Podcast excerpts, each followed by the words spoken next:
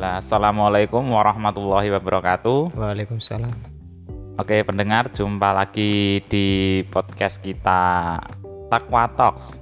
Obrolan ringan menambah ketakwaan. Pada hari ini kita masuk episode ke-6. Nah, kemarin kita sudah membahas tentang takwa menurut siapa, Tat? Oh, siapa? menurut Ali bin Ali Abi bin Abi Thalib. Thalib. Nah, kemarin itu takwa menurut Ali bin Abi Thalib ada tiga poin dan kita baru menyelesaikan poin pertama. Sekarang masuk kepada poin kedua. ya, empat poin ya.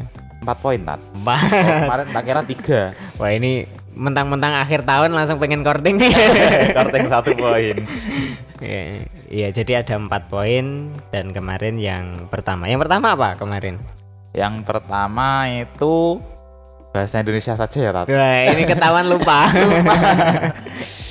Takwa menurut Ali bin Abi Thalib yaitu takut takut kepada Allah Subhanahu wa taala. Iya, al khaufu minal jalil ya. Yang pertama al khaufu minal jalil yaitu takut kepada Allah zat yang maha agung. Terus yang kedua, ingat nggak? Yang pertama aja lupa Tat. Baik. Eh, ini langsung ya. Langsung. Jadi yang kedua, takwa menurut Ali bin Abi Thalib itu adalah wal amalu bit tanzili ya, wal amalu bit tanzil. Apa artinya? Ya, wal amalu amal ya bit tanzil dengan sesuatu yang diturunkan oleh Allah, berarti wahyu ya. Jadi sikap takwa atau definisi takwa yang kedua unsurnya itu adalah seseorang yang bertakwa adalah orang yang beramal sesuai dengan Wahyu. wahyu ya aturan-aturan wahyu. Nah, wahyu sendiri itu apa Tat? Wahyu ya Al-Qur'an ya, yang diturunkan oleh Allah Subhanahu wa taala kepada Nabi Muhammad SAW itu kan Al-Qur'an. Ya. Jadi itu wahyunya. Wahyu Al-Qur'an. Tapi kan dalam Al-Qur'an itu kandungannya luar biasa banyak sekali. Nah, tadi takwa yang secara umum Heeh. eh, menjalankan segala perintah dan Ya. menjauhi segala larangan. Nah, dalam Al-Qur'an sendiri yang utama, yang utama yang harus kita lakukan dalam wahyu wahyu yang diturunkan Allah dalam Al-Qur'an itu apa saja? Yang utama dari perintah-perintah Allah Subhanahu wa taala ya ibadah dan puncak daripada ibadah itu ya tauhid kan gitu kan. Mengisahkan Allah Subhanahu wa taala. Makanya ketika Nabi Shallallahu alaihi wasallam pernah ditanya tentang ayul amalil afdol, jawaban beliau adalah al imanu billah.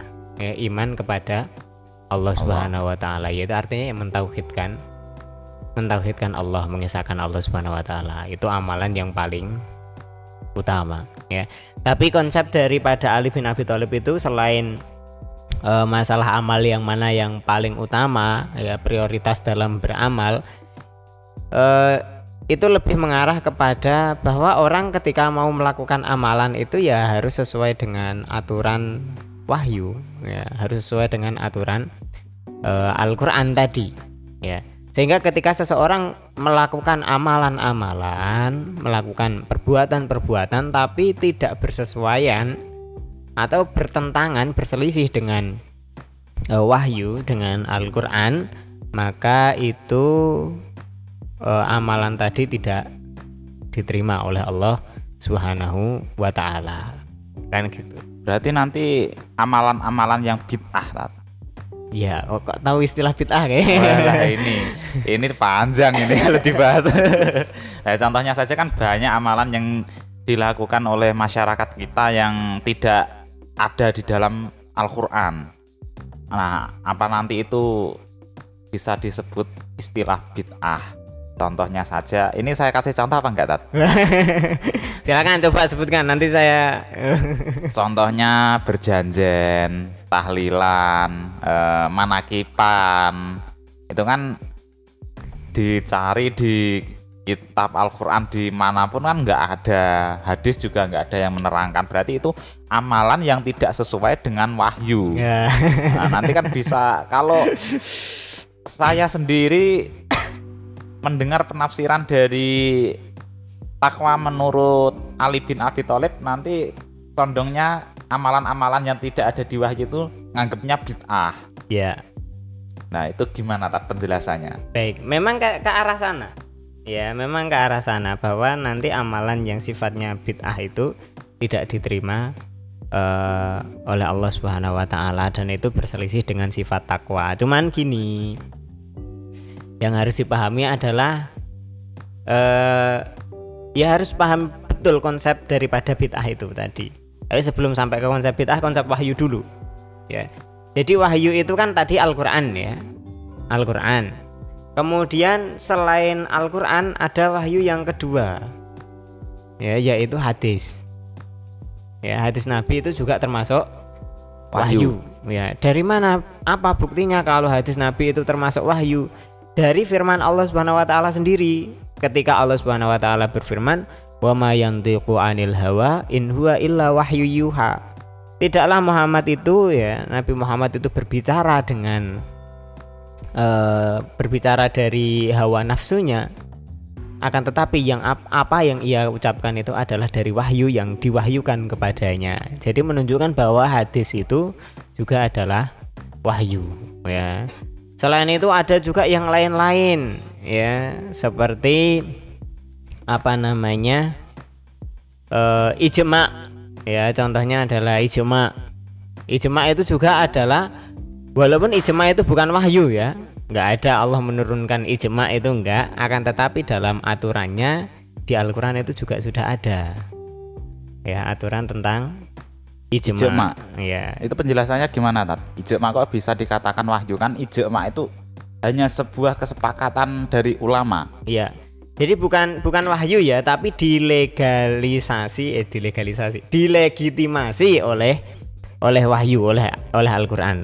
Yaitu ketika Allah Subhanahu wa taala berfirman, A'udzubillahi minasyaitonirrajim, fa in tanaza'tum fi syai'in farudduhu ilallahi war rasul. Ya. Kalau kalian berselisih pendapat, maka kembalikanlah perkara itu kepada Allah dan Rasul. Ya kan? Jadi ayatnya beri itu ayatnya seperti itu. Lalu para ulama mengambil mafhum mukhalafah dari situ. Ya tadi Allah Subhanahu wa taala kan berfirman kalau kamu berbeda pendapat berselisih yang satu bilang A yang satu bilang B maka kembalikan kepada Allah dan Rasul ya kembalikan kepada Allah dan Rasul berarti ke Quran dan sunnah, lah Sunnah. gitu ya nah itu kalau berselisih pendapat Artinya apa? Kebalikan dari itu. Kalau kamu tidak berselisih pendapat, ya kamu semuanya sepakat untuk A. Ya, berarti nggak perlu kembali kepada Allah dan Rasul. Melainkan ya itulah jawaban dari Allah Subhanahu wa taala dan jawaban dari Rasul SAW. Walaupun secara tekstualnya tidak ada. tidak ada di dalam Al-Quran dan As-Sunnah Ya, dan itulah yang disebut sebagai ijma Ya, jadi ijma itu walaupun bukan wahyu tapi dilegitimasi oleh oleh wahyu. nah untuk memperjelas tat Iya. contoh salah satu ijma Contoh ijma banyak sekali. Ya, banyak sekali ijma. Contoh eh kewajiban sholat lima waktu itu juga kan dikuatkan dengan ijma. Ya. Keharaman homer itu dikuatkan juga dengan ijma ijma. Walaupun kalau kita lihat ayatnya dalam Al-Qur'an masalah homer ini kan banyak kan. Mulai dari yang sebelumnya haram, kemudian eh sebelumnya halal mutlak, terus kemudian halal tapi ada syaratnya, halal dibatasi waktunya dan seterusnya, dan seterusnya sampai sampai haram haram mutlak gitu kan.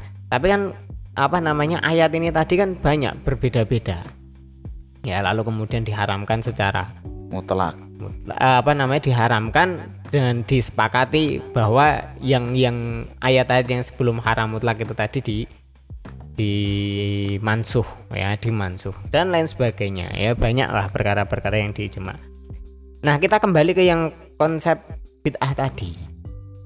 Ya jadi bid'ah itu memang kan amalan-amalan yang eh, bertentangan dengan atau berselisihan dengan dengan wahyu tadi kan ya dengan wahyu nah eh, biasanya orang yang mengatakan ini bid'ah itu bid'ah ya secara terlalu mudah itu dia patokannya adalah amalan ini tidak dilakukan oleh Nabi Muhammad SAW ya kayak tadi misal yang jenengan sebut berjanjian ya atau berzanji ya itu Berzanji. sebenarnya kan disebut berjanjian itu kan li- lidahnya orang Jawa aja jadi ada kitab ya terkenal dengan nama penulisnya yaitu Al-Barzanji kitab itu dibaca terus menerus atau dibaca dalam apa secara kontinu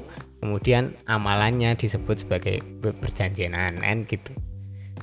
Ya itu kan nggak ada itu di Al-Quran. Dan Nabi SAW juga tidak pernah mengajarkan bukan tidak pernah mengerjakan tidak, tidak, pernah, men- melakukan. melakukan mencontohkan juga. Nah, nah bid'ah itu. Nah, kan gitu biasanya kan gitu. Jadi nggak nggak semudah itu ya mengatakan bahwa itu bid'ah atau tidak.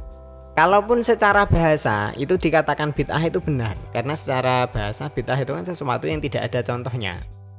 Jadi sebelumnya tidak ada kemudian ada di kemudian hari maka itu kan disebut bid'ah secara bahasa tapi secara syariat apakah itu termasuk bid'ah yang dicela? Tentu tidak.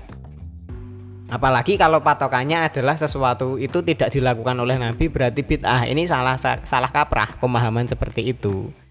Kenapa? Karena salah satu wahyu tadi kan apa namanya? hadis, ya kan? Hadis atau sunnah. Nah, sunnah itu ada banyak. Jadi bukan hanya perbuatan Nabi. Ya, kalau para ulama menjelaskan sunnah itu adalah kulun ma usnida ila Nabi sallallahu alaihi wasallam min qaulin au fi'lin au takririn au wasfin ya.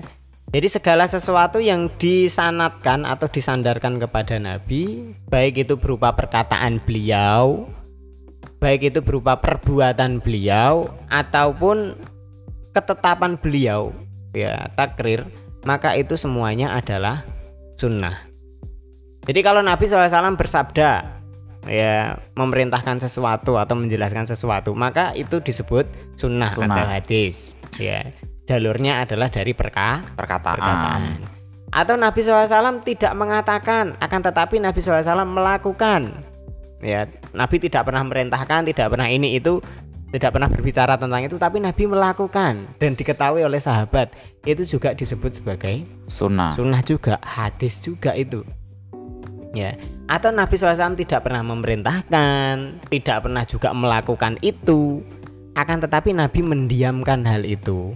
Maka itu juga termasuk sunnah juga hadis juga namanya sunnah takrir. Ya. Sunnah takrir. Takrir. Nah jadi sunnah ini tidak tidak hanya pada masalah perbuatan Ketika orang mau mengatakan, "Oh, ini bid'ah ini kenapa?" Karena tidak pernah dilakukan oleh Nabi. Wah, berarti dia sudah memotong jalur sunnah hanya pada perbuatan, Perbuatan. saja. Padahal ada kalanya itu tidak pernah dilakukan Nabi tapi pernah diperintah. Ya kan? Nabi meng- mengucapkan sesuatu, memerintahkan sesuatu tapi Nabi sendiri tidak tidak melakukan tidak melakukan itu bisa atau nabi tidak memerintah tidak juga melakukan tapi ada orang yang melakukan itu dan nabi mendiamkan. Ya jadi banyak sekali jalurnya ini. Ya jangan dipotong hanya hanya satu. Seolah-olah kalau itu tidak pernah dilakukan oleh nabi terus bid'ah. Bid'ah. Ya jadi nggak gitu. Ya Ya, kalau masalah apa namanya tadi eh kita tadi sebut ya sebut merek ya. Biar jelas pak. Biar jelas baiklah. Ya berjanji dan lain sebagainya itu tadi. Apakah Janji, itu bid'ah enggak lah. Ya walaupun mungkin ki- tidak kita semua tidak tidak semua kita itu melakukan. Akan tetapi itu tidak tidak bisa disebut sebagai bid'ah yang dicela. Hanya karena tidak pernah dilakukan oleh Nabi Muhammad Shallallahu Alaihi Wasallam contoh lah misalkan ini apa namanya dulu zaman Nabi SAW ada seorang sahabat Nabi yang sandalnya suara sandalnya itu sudah terdengar di surga. Padahal orangnya masih hidup di dunia. Horor tat. Ya nggak horor no. Terdengar di surga kok. Siapa itu setahu saya Nah. kalau sandalnya yang terdengar itu Khadijah tat. Loh. Bilal ibnu Robah. Oh, Bilal. ya Bilal. Jadi ketika Nabi Isra Mi'raj itu Nabi mendengar itu dan Nabi heran loh kok ini suara suara sandal ini suaranya siapa? Dijawab oleh malaikat Jibril suara sandalnya. Bilal bin Rabah. Ditanyakan kepada Bilal ya apa yang membuat membuat kamu punya keistimewaan itu gitu. Sehingga suara sandalnya saja sudah ada di surga. Surga. Jawaban Bilal adalah bahwa ketika beliau itu selesai wudhu ya setiap kali selesai wudhu selesai bersuci beliau lalu sholat dua rakaat. Ya itu tidak pernah diperintahkan oleh Nabi. Ya tidak pernah dilakukan juga oleh Nabi. Tapi Bilal melakukan. Dan Nabi mendiamkan. Nabi mendiamkan. Bahkan dari amalan yang dilakukan Bilal bin Rabah itu tadi bisa membawanya sampai ke satu surga. derajat. Satu ya, derajat. yang sangat tinggi sekali. Jadi itu menunjukkan tadi loh jalurnya itu banyak.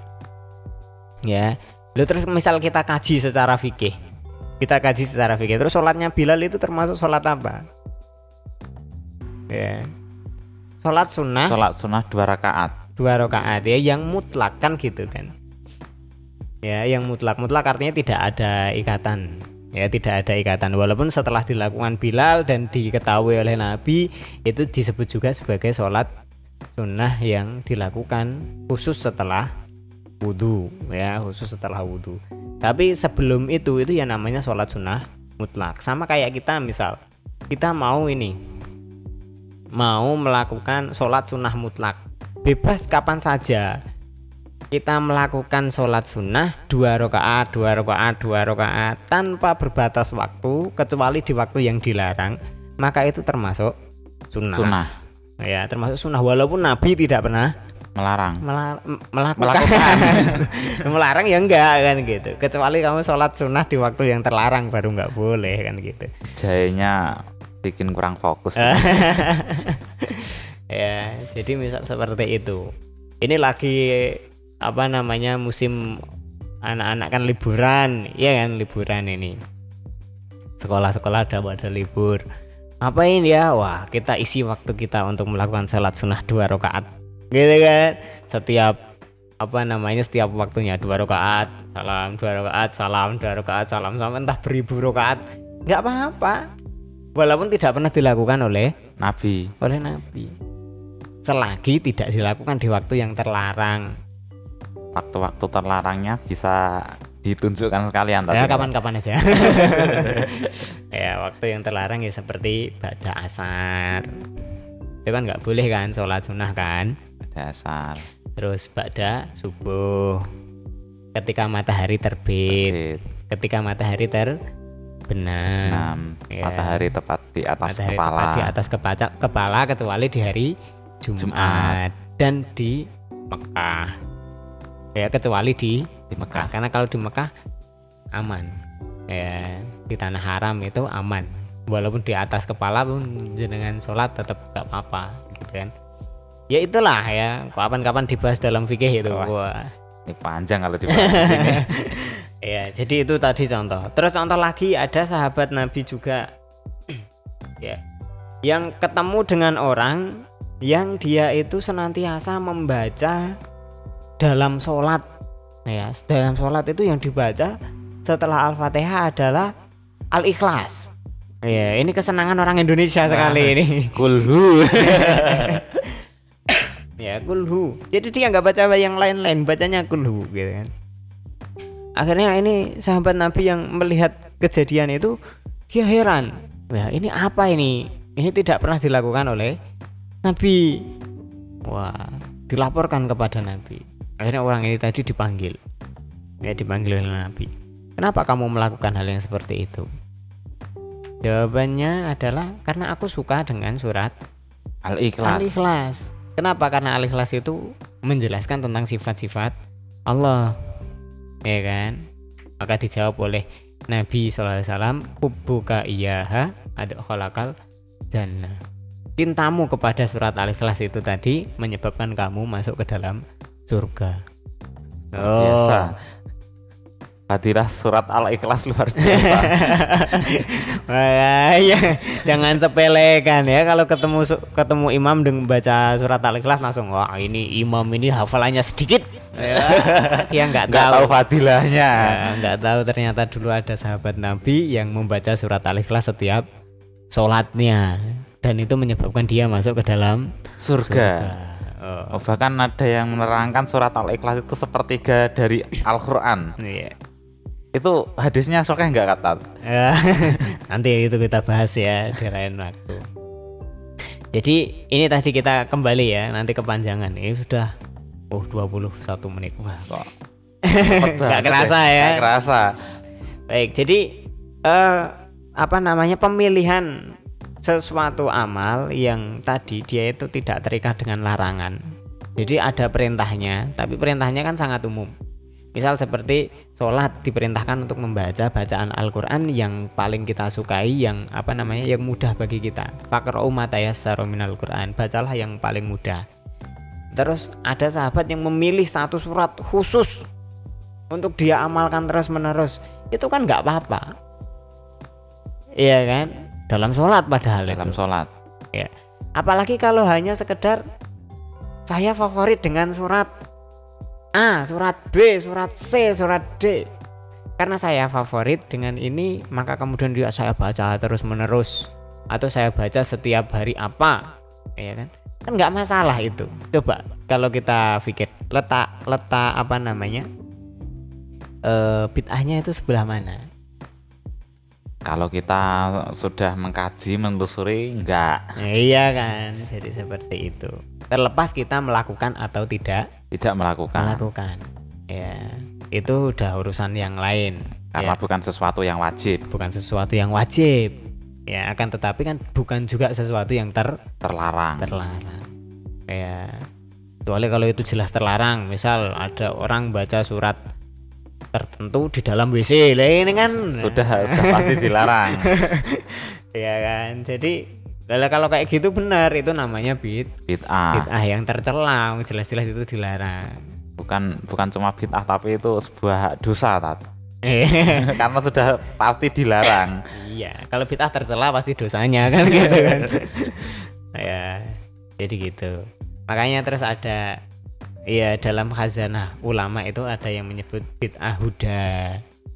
Bid'ah tapi dibangun di atas petunjuk. Maksudnya apa? Sebenarnya ada dalilnya ya walaupun itu tidak dilakukan oleh Nabi Nabi. Shallallahu Alaihi Wasallam tapi ada dalilnya entah itu berupa perkataan atau berupa takrir ya ketetapan jadi dan lain sebagainya lah ya banyak hal seperti itu kayak misal ini contoh lagi lah terakhir ya eh tarawih Iya kan? Ya, itu masih sering terjadi perdebatan.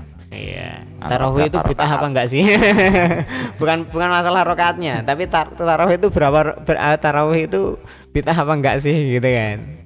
Tarawih berjamaah di masjid mulai tanggal 1 sampai 30 Ramadan itu bid'ah apa enggak sih?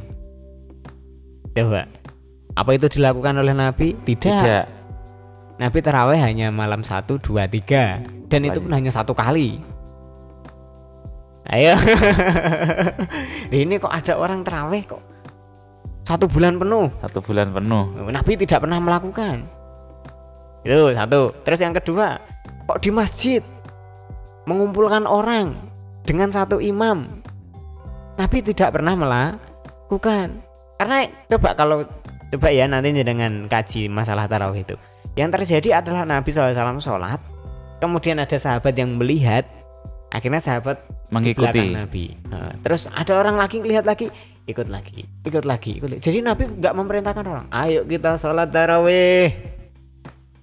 Enggak. Walaupun memang ada hadis yang berbicara tentang itu. Man koma ramadhana imanan wa ihtisaban ghufira lahu ma taqaddama min dzambi. Tapi Nabi SAW tidak pernah ngajak orang kumpul-kumpul ayo kita sholat taraweh berjamaah ayo. Itu nggak pernah gitu.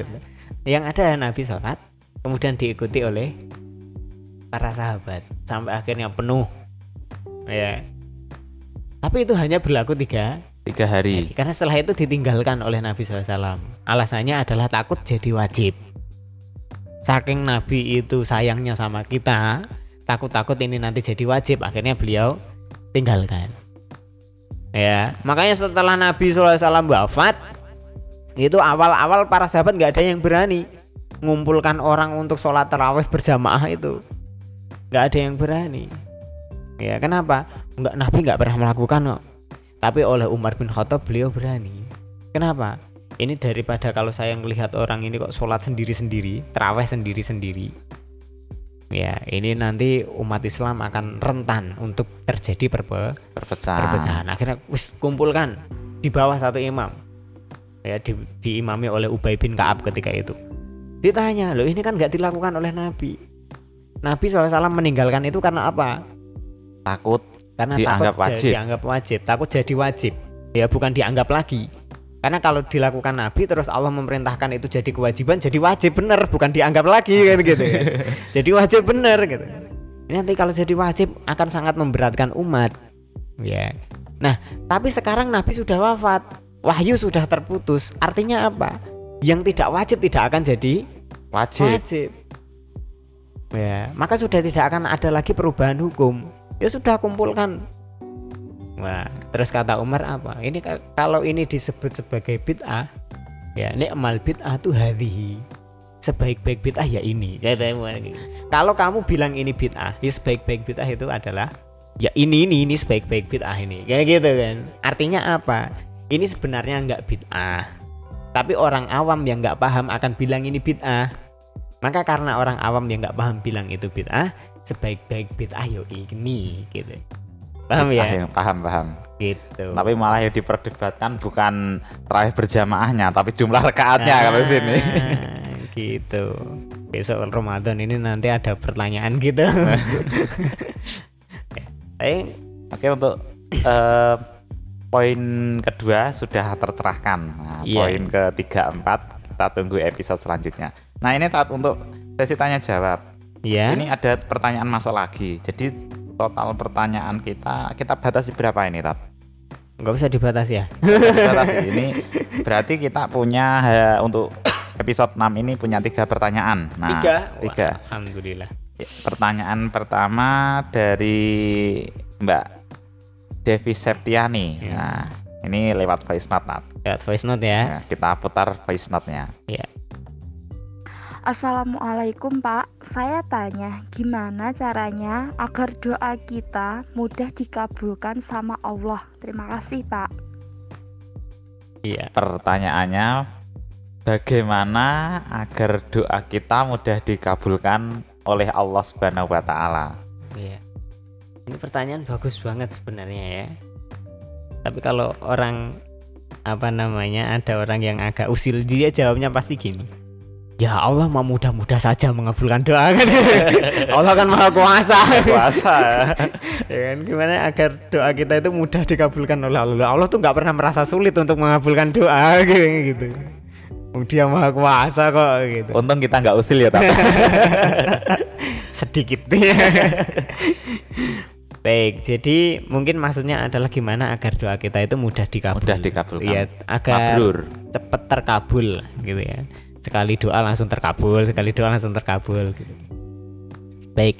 Jadi pada dasarnya konsep yang harus kita pegang dulu adalah keterkabulan doa itu sesuatu yang pasti, tapi itu ada pada hak prerogatif Allah. Ya. Entah itu berkaitan dengan kapan waktunya akan dikabulkan, apakah cepat atau lambat, ya, apakah ini nanti nunggu waktu lama ataukah tidak, ya. apakah nanti dikabulkan dalam bentuk seperti apa yang dia inginkan atau dikabulkan dalam bentuk yang lain? Ya tidak diberi apa yang dia inginkan tapi diberi apa yang dia butuhkan, butuhkan. Ya atau disimpan untuk nanti menjadi apa namanya simpanan di di Akhirat. akhirat dan lain sebagainya lah banyak ya akan tetapi pasti bahwa doa itu diterima oleh Allah dan diijabah oleh Allah Subhanahu wa taala. nah, tapi kan jawaban seperti ini kadang orang tentu kurang srek gitu ya. Karena nggak yang, di- sesuai yang diingin itu nafsunya Nah, karena yang diingin itu pokoknya biar caranya biar cepat terkabul gitu kan, biar cepat terkabul. Baik, ada tips-tips dari para ulama sebenarnya eh, masalah agar doa kita itu cepat terkabul. Tapi tadi sebelum memahami itu satu yang harus kita pahami bahwa ini nanti kembalinya tetap kepada Allah Subhanahu wa taala. Iya, terserah Allah gitu kan. Kalau Allah mau kabulkan cepat ya tetap akan dikabulkan cepat. Ya, walaupun kita tidak melakukan sebab-sebab ini. Iya kan? Dan kalau Allah Subhanahu wa taala berkehendak yang lain ya yang terjadi tetap apa yang dikehendaki oleh Allah. Ya. Eh, di antara yang apa namanya tips agar doa kita itu mudah dikabulkan ya. Pertama, pilih waktu-waktu pilihan ya, waktu-waktu yang sifatnya mustajabah. Ya, ya di mana di situ doa eh, akan segera dikabulkan oleh Allah Subhanahu wa taala. Kan banyak ya waktu-waktu pilihan itu. Coba apa aja di antaranya yang jenengan tahu? Eh, waktu-waktu pilihan. Hmm. setelah sholat tahajud di sepertiga malam Oh iya, terus eh, setelah sholat wajib setelah sholat di fardu, sujud terakhir sujud terakhir. Gila. terus di bulan Ramadan Bulan Ramadan. terus banyak banget Tat, sebenarnya Tat. Iya, banyak sekali kan? Ya. Yang paling sering yang paling sering antara adzan dan, iqomah Iko- antara adzan dan iqomah. Kalau setelah iqomah jangan. Waya sholat Sholat. malah. antara azan dan Ya, iqomah Nanti imamnya sudah Allahu Akbar jenengan ya Allah minta uang ya Allah. Ya antara adzan dan iqomah ya kalau antara khutbah dua khutbah ya. Ini ini lagi musim hujan. Ya termasuk waktu yang mustajabah itu adalah berdoa saat ketika hujan. hujan. Ya, setelah sholat fardu betul tadi. Kemudian di hari Jumat di bulan Ramadan dan lain sebagainya. Jadi ada waktu-waktu pilihan di mana di waktu-waktu itu doa kita akan sangat potensial untuk di diijabah. Ya berdoalah bukan berdoalah di waktu itu saja ya tapi perbanyaklah doa di waktu-waktu itu. Ya, jadi jangan salah. Ya. bukan hanya berdoa di waktu itu tapi Iya. perbanyaklah doa. Jadi ja- jadi bukan berdoalah di waktu pilihan bukan tapi perbanyaklah doa di waktu pilihan. Di luar waktu pilihan itu ya tetap harus berdoa. berdoa Ya, kemudian eh, melakukan adab-adab doa. Ya, adab-adab doa seperti doa dalam posisi yang terbaik, duduk menghadap ke kiblat, ya kan? Duduk menghadap kiblat, mengangkat tangan, ya, tunduk apa namanya pasrah kepada Allah Subhanahu wa taala, menyadari kelemahan diri, menyadari kebutuhan kita kepada Allah, Allah. Subhanahu wa taala. Melirihkan suara, nggak usah teriak-teriak, ya kan? Ya Allah, gitu kan? kayak sinetron Indosiar teriak-teriak Ya, dilirihkan suaranya. Bukan bukan membisu juga, ya. Tidak membisu. Tapi tidak juga berteriak, ya. Cari yang paling tengah-tengah di antara itu. Dilirihkan Dilirihkan, bukan dibisukan ya. Bukan dimut. ya. masih getar ya kan. Jadi gitu. Terus berdoa diawali dengan apa namanya? puji-pujian kepada Allah. ya puji-pujian kepada Allah ya minimal alhamdulillahirabbil alamin ya terus setelah itu setelah memuji-muji Allah diiringi juga dengan sholawat kepada Nabi Nabi. SAW ya karena itu juga termasuk yang menyebabkan doa kita akan lebih cepat ya sampainya yaitu dengan bersolawat tadi. Ya Al- Allahumma sholli ala Muhammad dan seterusnya dan seterusnya. Jadi ini termasuk tips-tips yang diajarkan. Nah tapi ada satu hadis yang saya ingat di dalam kitab eh, Arba'in Nawawi hadis kitab hadis yang sangat tipis itu. Tapi ada kaitannya dengan dengan doa ya. Di mana di situ dikatakan dzakara rajula yutilus safara asy'atha akbara yamuddu yadayhi ila sama ya rabbi ya rabbi. Fama haram wa mashrabuhu haram wa malbasuhu haram fa anna yustajabulah ya. Jadi Nabi SAW pernah menceritakan tentang seorang laki-laki yang dia itu menempuh perjalanan yang sangat jauh.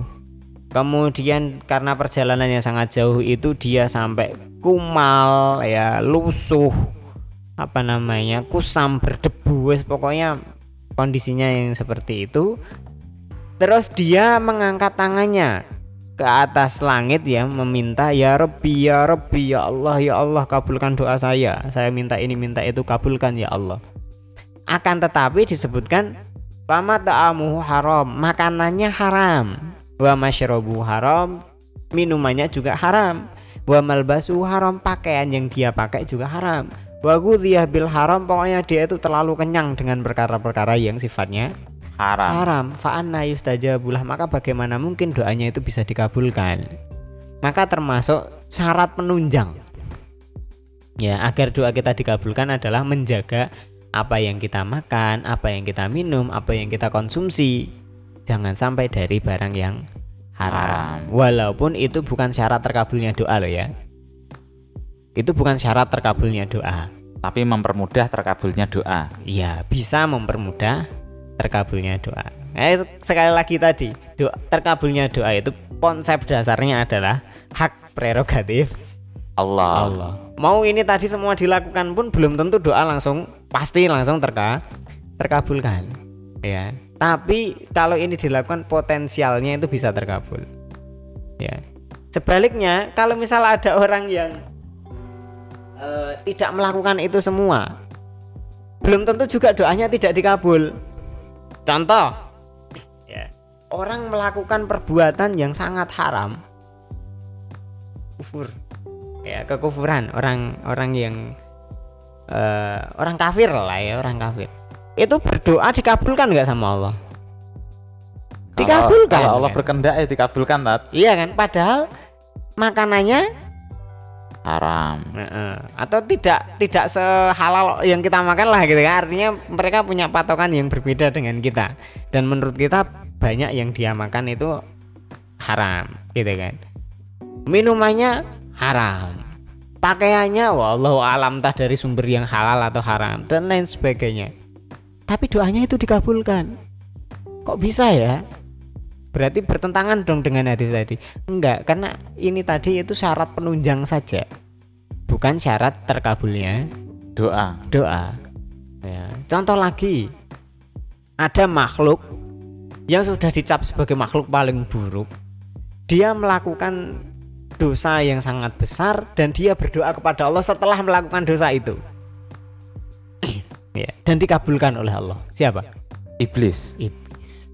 Ketika dia melakukan dosa, terus diancam oleh Allah akan dibinasakan, dia berdoa kepada Allah, meminta pengunduran waktu, penangguhan waktu agar dia itu nanti matinya besok aja kalau sudah kiamat. Ya, binasanya nanti aja kalau sudah Kiamat. Ya, artinya ketika kita ini manusia usianya itu bentar-bentar, ya dia masih dari zaman Adam, Adam. diciptakan. Sebelum Adam sebelum diciptakan. ada malah ya. Sampai sekarang masih hidup aja dia itu gitu kan. Makanya ya wajar aja kalau orang itu melakukan dosa gara-gara kalah sama iblis ya. Dia lebih berpengalaman soalnya kan gitu kan. Pengalamannya sudah ribuan tahun lah kita. Jam terbangnya ribuan Eh, tahun. jadi gitu. Jadi kalau melihat orang kalah sama iblis itu jangan terus langsung wah orang itu lemah itu enggak juga iblisnya yang cukup kuat tipu dayanya ya. Bagi dia bagi orang tadi. Baiklah. Jadi gitu. Ya hal yang harus kita kita pahami dulu konsepnya adalah bahwa itu hak prerogatif Allah. Terus ini juga yang harus kita pahami. Doa itu bukan melulu hanya masalah kita meminta kepada Allah. Itu level paling rendah dari doa. Ya. Jadi Allah swt menjadikan doa sebagai sarana untuk meminta kepada Allah itu bagi orang yang level doanya paling paling rendah. Kamu butuh apa minta sama Allah. Kamu ingin apa minta sama Allah. Ini udah bagus sekali kalau orang mau seperti itu. Akan tetapi tadi ini yang paling rendah. Ada yang apa namanya levelnya lebih tinggi. Apa?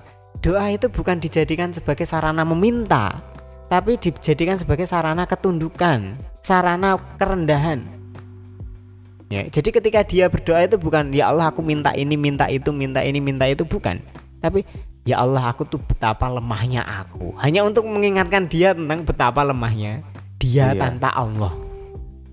Mau dikabulkan kayak mau enggak terserah. Karena dia berdoa itu hanya untuk mengingatkan saya itu hamba Allah yang lemah. Kalau tidak ditolong oleh Allah saya itu enggak ada apa-apa.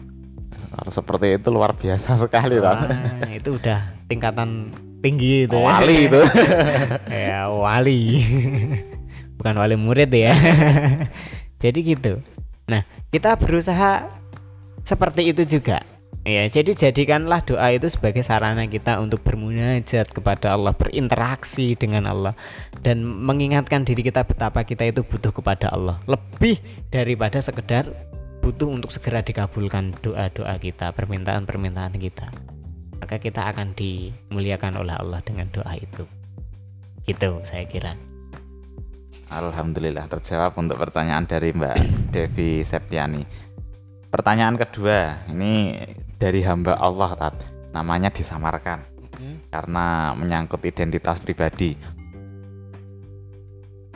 Assalamualaikum Ustadz izin sharing temanku punya pacar non muslim wadah ini masalah pacar ini tat. Berarti laki-laki apa perempuan ini?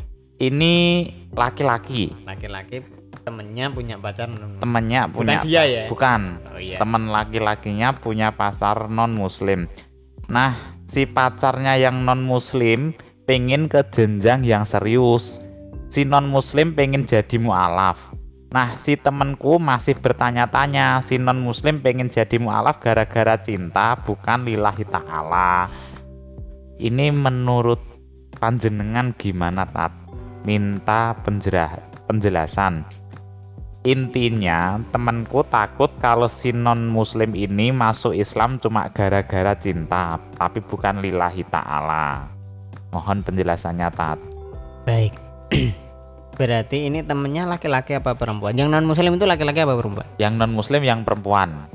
Oh non muslimnya perempuan. Tapi yang yang muslim laki-laki ya. Baiklah. Eh satu yang harus dipahami bahwa pacaran itu haram. Ini dulu ya. Sudah pasti. Bahwa itu ya karena Allah subhanahu wa taala itu menyebutkan tentang lata kerobu zina jangan sampai kita itu mendekati zina. piranti-piranti yang mengarahkan kita kepada zina. Salah satunya adalah uh, pacaran itu. Jangankan pacaran ya lirik-lirik aja itu udah piranti menuju kepada zina. Coba kalau apa namanya jangan cari-cari lirik-lirik itu ada nggak larangannya? Kan nggak ada. Larangannya ya karena itu tadi bisa mengarahkan kepada Zina. Zina. Sebelumnya lirik gitu kan, lama-lama noleh kayak kan, lama-lama manteng. ya. Jadi seperti itu. Baik. Tapi ya sudahlah, udah udah kejadian juga kan. Eh langsung ke pertanyaannya tadi apa tadi? Berarti masalah, masalah kalau dia masuk ta'ala. Islam nggak lillahi ta'ala. Lillahi ta'ala tapi karena cintaan kepada makhluk. Iya, baik.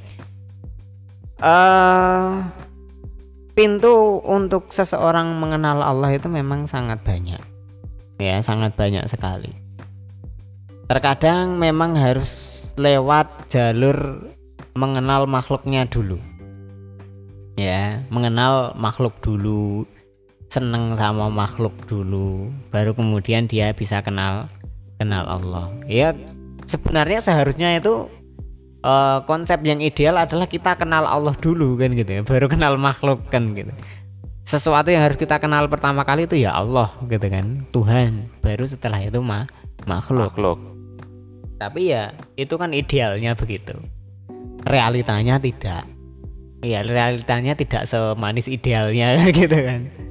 Ya kadang orang baru kenal dengan Allah setelah dia kenal dengan makhluk. Entah makhluk itu baik ataukah buruk ya ada orang yang kenal Allah lewat makhluk yang baik. Ya karena sahabat kenal dengan Allah lewat nabi. Iya kan? Nggak langsung ke Allah kan? Tapi lewat lewat Rasul. Lewat Rasulullah SAW ya kita kenal dengan Allah sebelumnya kita itu bejat bejijat. Tapi gara-gara ada lihat orang soleh akhlaknya baik dan lain sebagainya akhirnya kita tertarik.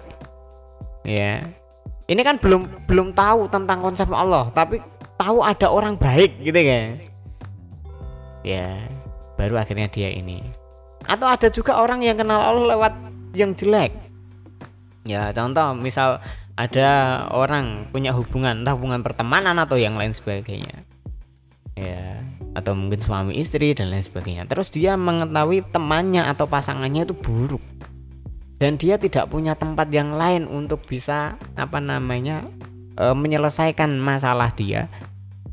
Lah manusia nggak ada yang bisa menyelesaikan. Akhirnya dari situ justru dia malah ingat kepada Allah, Allah. kenal dengan Allah. Ya jadi jalan untuk eh, mengenal Allah itu memang sangat banyak. Ya lillahi ta'ala itu kan konsep idealnya. Ya konsep idealnya. Tapi menuju ke sana itu perjalanan sangat sangat panjang. Ya maka kalau misal kita kenal Allah lewat makhluknya ya itu tidak terlarang. Ya itu tidak terlarang ketika kita mengenal Allah lewat makhluknya. Tapi yang perlu yang harus selalu di di apa namanya dijadikan pemahaman keyakinan ke kita adalah tujuannya itu nanti ke sana loh. Ya tujuannya nanti ke sana. Jadi ketika ada orang tadi ya eh, mencintai kita dan dia belum kenal dengan Allah itu bisa dijadikan sarana untuk mengenalkan dia kepada Allah kepada Allah Subhanahu wa taala. Tentu kalau kaitannya adalah hubungan ya halal dulu dong. Berarti intinya untuk masalah lillahi ta'ala nanti ya yang penting mu'alaf dulu baru kita islamisasi Iya. Jadi gitu, karena proses mengenal Allah itu proses yang sangat panjang. Tidak bisa se sesimpel sesimpel itu. Nanti takutnya malah isi kam isi go. apa itu Tat? gampang datang, gampang pergi kan. gitu. istiqam istiqam Ya, kayaknya wah saya kenal dengan Allah oh, iya, saya sudah sangat yakin terus setelah itu liar liar liar liar liar gitu kan ya perjalanannya sangat panjang bahkan kita pun masih sedang dalam perjalanan itu. Masih tahap belajar. Ya masih tahap belajar masih sedang dalam perjalanan itu. Dan itulah yang memang kita pelajari seumur hidup. Ya yang kita pelajari seumur hidup itu apa sih? Kan katanya kan ilmu itu minal mahdi ilalah di ilalahdi dari buayan, sampai, liang lahat. liang lahat. Ya, itu ilmu apa? Ya ilmu mengenal Allah. Mengenal Allah itu tadi. Ya bukan ilmu yang lain matematika nggak mungkin kita pelajari minal mahdi ilal ilalahdi ya. teori-teori agama nggak minal mahdi ilal ilalahdi tapi teori atau apa namanya konsep mengenalnya kita kepada Allah itu yang minal mahdi ilalahdi dalam perjalanan hidup kita ketemu berbagai macam kasus ketemu dengan berbagai macam orang dan lain sebagainya. Dari situ kita mengenal Allah sedikit demi sedikit semakin sempurna semakin sempurna semakin sempurna. Jadi gitu. Baik. Berarti terjawab untuk pertanyaan kedua. Nah iya. pertanyaan terakhir. Ini sama dari hamba Allah disamarkan juga. Dari apa? Assalamualaikum Ustadz. Ini sudah memasuki pertengahan bulan Desember. Sebentar lagi akan memasuki hari raya Natal. Nah, ki- sikap kita sebagai umat muslim terhadap hari raya Natal itu seperti apa tat yang benar menurut syariat? Apa kita boleh mengucapkan atau tidak sedangkan umat non muslim itu sering sekali mengucapkan selamat hari raya entah Idul Fitri, Idul Adha kepada kita. Apa kita perlu membalasnya dengan mengucapkan selamat hari raya Natal atau gimana Tat? Mohon Hmm. pencerahannya. Baik, ini masalah Natal ya. Natal itu apa sih? Natal itu hari rayanya umat Kristiani. I- iya, tapi Natal itu apa? Kalau definisinya kurang tahu saya. Natal itu kan hari lahir kan. Ya, jadi hari lahir yang disandarkan atau dinisbatkan kepada kelahirannya Nabi Isa atau istilahnya adalah Yesus. ya. Nah, terlepas dari sejarah, terlepas dari macam-macam lah kita kita nggak bahas itu, kita nggak mengkritisi itu, sudah banyak yang menjelaskan. Yang akan kita bahas adalah lebih ke tadi, ya. Natal ini kita nyikapinya gimana sih? Apalagi kita ini tinggal di negara yang eh, bineka Tunggal Ika. tunggal ika, ya yang beraneka ragam agama, beraneka ragam suku, beraneka ragam ras, semuanya alhamdulillah bisa bersatu, bisa eh, sama-sama nyengkuyung apa nyengkuyung? Gotong Eh, royong. gotong royong mengusahakan persatuan ya dan kedamaian ketentraman di di negara kita ini dan itu sesuatu yang harus kita syukuri. Ya.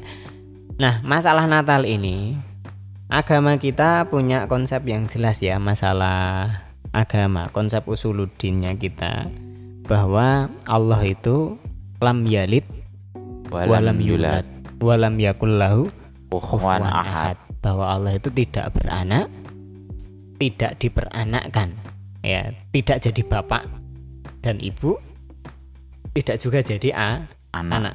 Ya. Terus tidak ada yang setara dengan? Dengannya. ya dengan Allah Subhanahu wa taala. Sesuatu pun nggak ada yang setara dengan Allah. Terus bahwa Nabi Isa dalam konsep keimanan kita itu adalah eh, hamba Allah dan utusannya.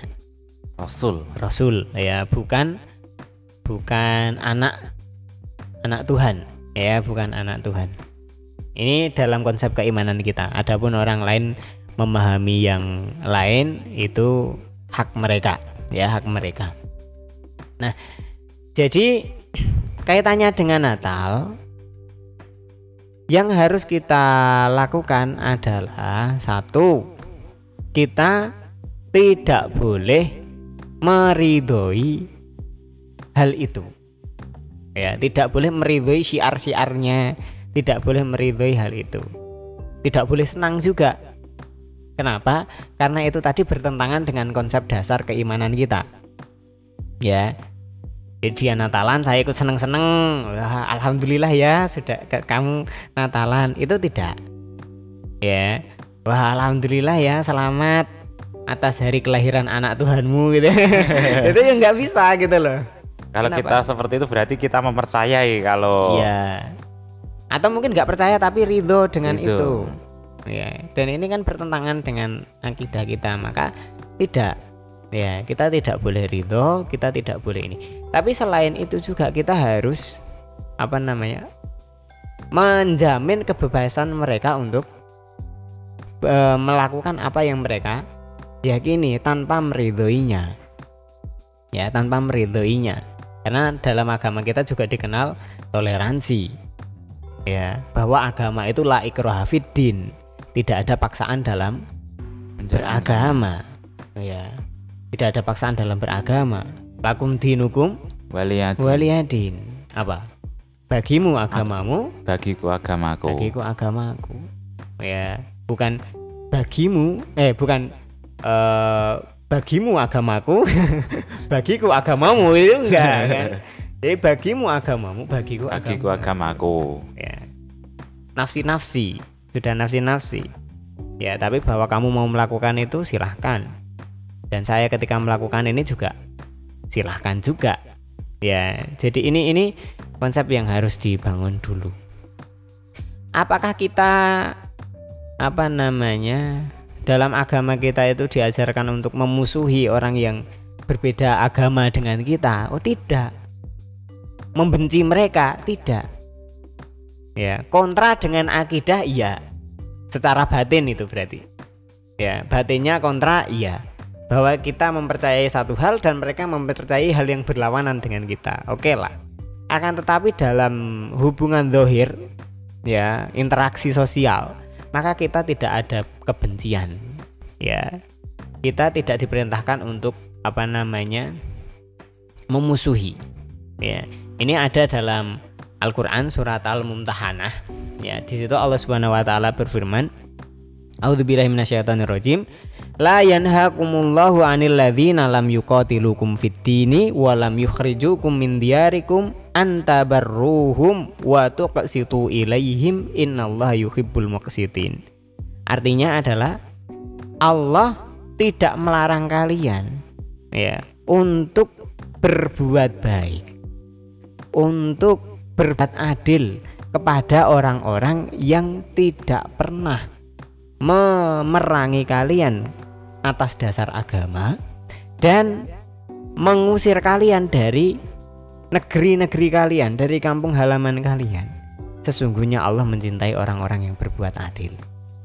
Jadi Allah tidak pernah melarang kita untuk berbuat baik kepada kepada apa namanya non muslim. muslim Ya, justru malah disuruh berbuat baik. baik Kalau mereka tidak apa namanya melakukan hal-hal yang buruk ke kita, maka kita juga tidak boleh melakukan hal-hal buruk kepada mereka. Mereka berbuat baik kepada kita, kita lebih dulu harusnya lebih lebih baik berbuat untuk baik mereka kepada mereka. Ya. Jadi seperti itu itu yang diinginkan oleh Allah Subhanahu wa taala, bukan wah asal beda akidah terus langsung dimusuhi wah, dimusuhi. Yang dimusuhi itu konsepnya, orangnya di tidak tidak. Ya, yang ditentang itu adalah akidahnya, orangnya tidak. Ya, orangnya harus dicintai. Orangnya harus dicintai. Apa buktinya cinta? Ya, kadang-kadang kita apa namanya kita tarik sedikit demi sedikit, ya kan? Didakwahi. Dakwah itu kan tanda cinta tanda cinta, bukan tanda benci kan? Ya enggak? Ya Iya, kalau kalau kalau nggak cinta ngapain didakwahin? Ya, ini biar karena dalam konsep agama kita itu kalau seperti itu nanti bisa celaka di akhirat, makanya kita janganlah kamu jangan sampai celaka. Ini berarti cinta apa benci? cinta Cinta. Kalau benci tuh wah terserah sana kamu mau celaka. Iya kan? Jadi gitu. Ya, jadi eh toleransi dengan menjalankan agama masing-masing dan menjamin kebebasan keamanan mereka dalam melakukan keyakinan akan tetapi apa namanya kita itu tidak tidak juga kemudian meridhoi apa yang mereka lakukan. Ya tidak meridhoi apa yang mereka lakukan apa yang mereka yakini.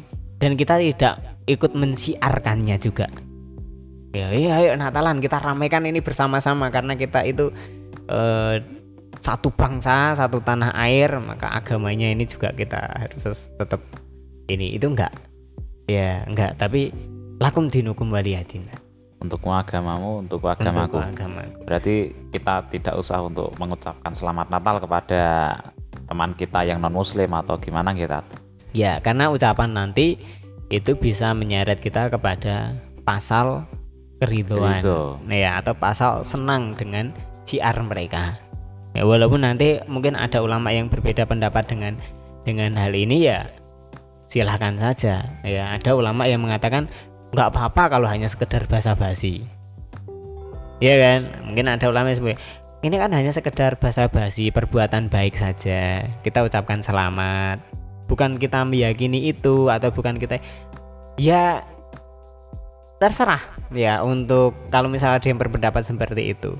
Tapi kan tidak setiap kata basa-basi terus kemudian eh, bisa di ditoleransi atau ditolerir. Contoh misal ada orang mengucapkan kalimat-kalimat kekufuran tapi dengan basa-basi apakah itu kemudian bisa ditolerir? Tentunya tidak. Tidak kan? Ya misal ada orang bilang alah iya ya Tuhan punya anak ya bisa aja lah gitu kan misalkan gitu. Ini tapi dia hanya bahasa bahasa basi. Dia nggak meyakini kalau Tuhan itu punya anak tapi dia bahasa basi sama temannya. Ya. Kalau saya punya keyakinan Tuhan itu punya anak oh iya ya bisa aja Tuhan punya anak. Misalkan dia gitu. Ya tapi hanya bahasa basi. Tetap bisa berpengaruh dengan keya keyakinan. keyakinan. Ya itu yang kita pahami. Ya jadi berbuat baik kepada mereka tidak harus dengan mengucapkan perkataan-perkataan yang bisa bertentangan sekali dengan akidah. akidah kita. Ya seperti itu. Wallahu taala alam. Alhamdulillah untuk tiga pertanyaan ini sudah terjawab semua. Iya dan ini sudah satu jam. Luar biasa. Nggak terasa ob- obrolannya sudah satu jam.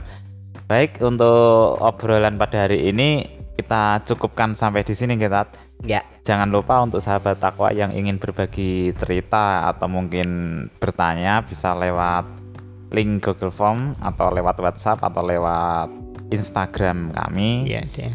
Nanti sudah tertera di link di bawah ini. Eh, kita tutup kita. Ya. cukup untuk Oke. malam ini. Kurang lebihnya kami mohon maaf. Wassalamualaikum. warahmatullahi wabarakatuh. Waalaikumsalam warahmatullahi wabarakatuh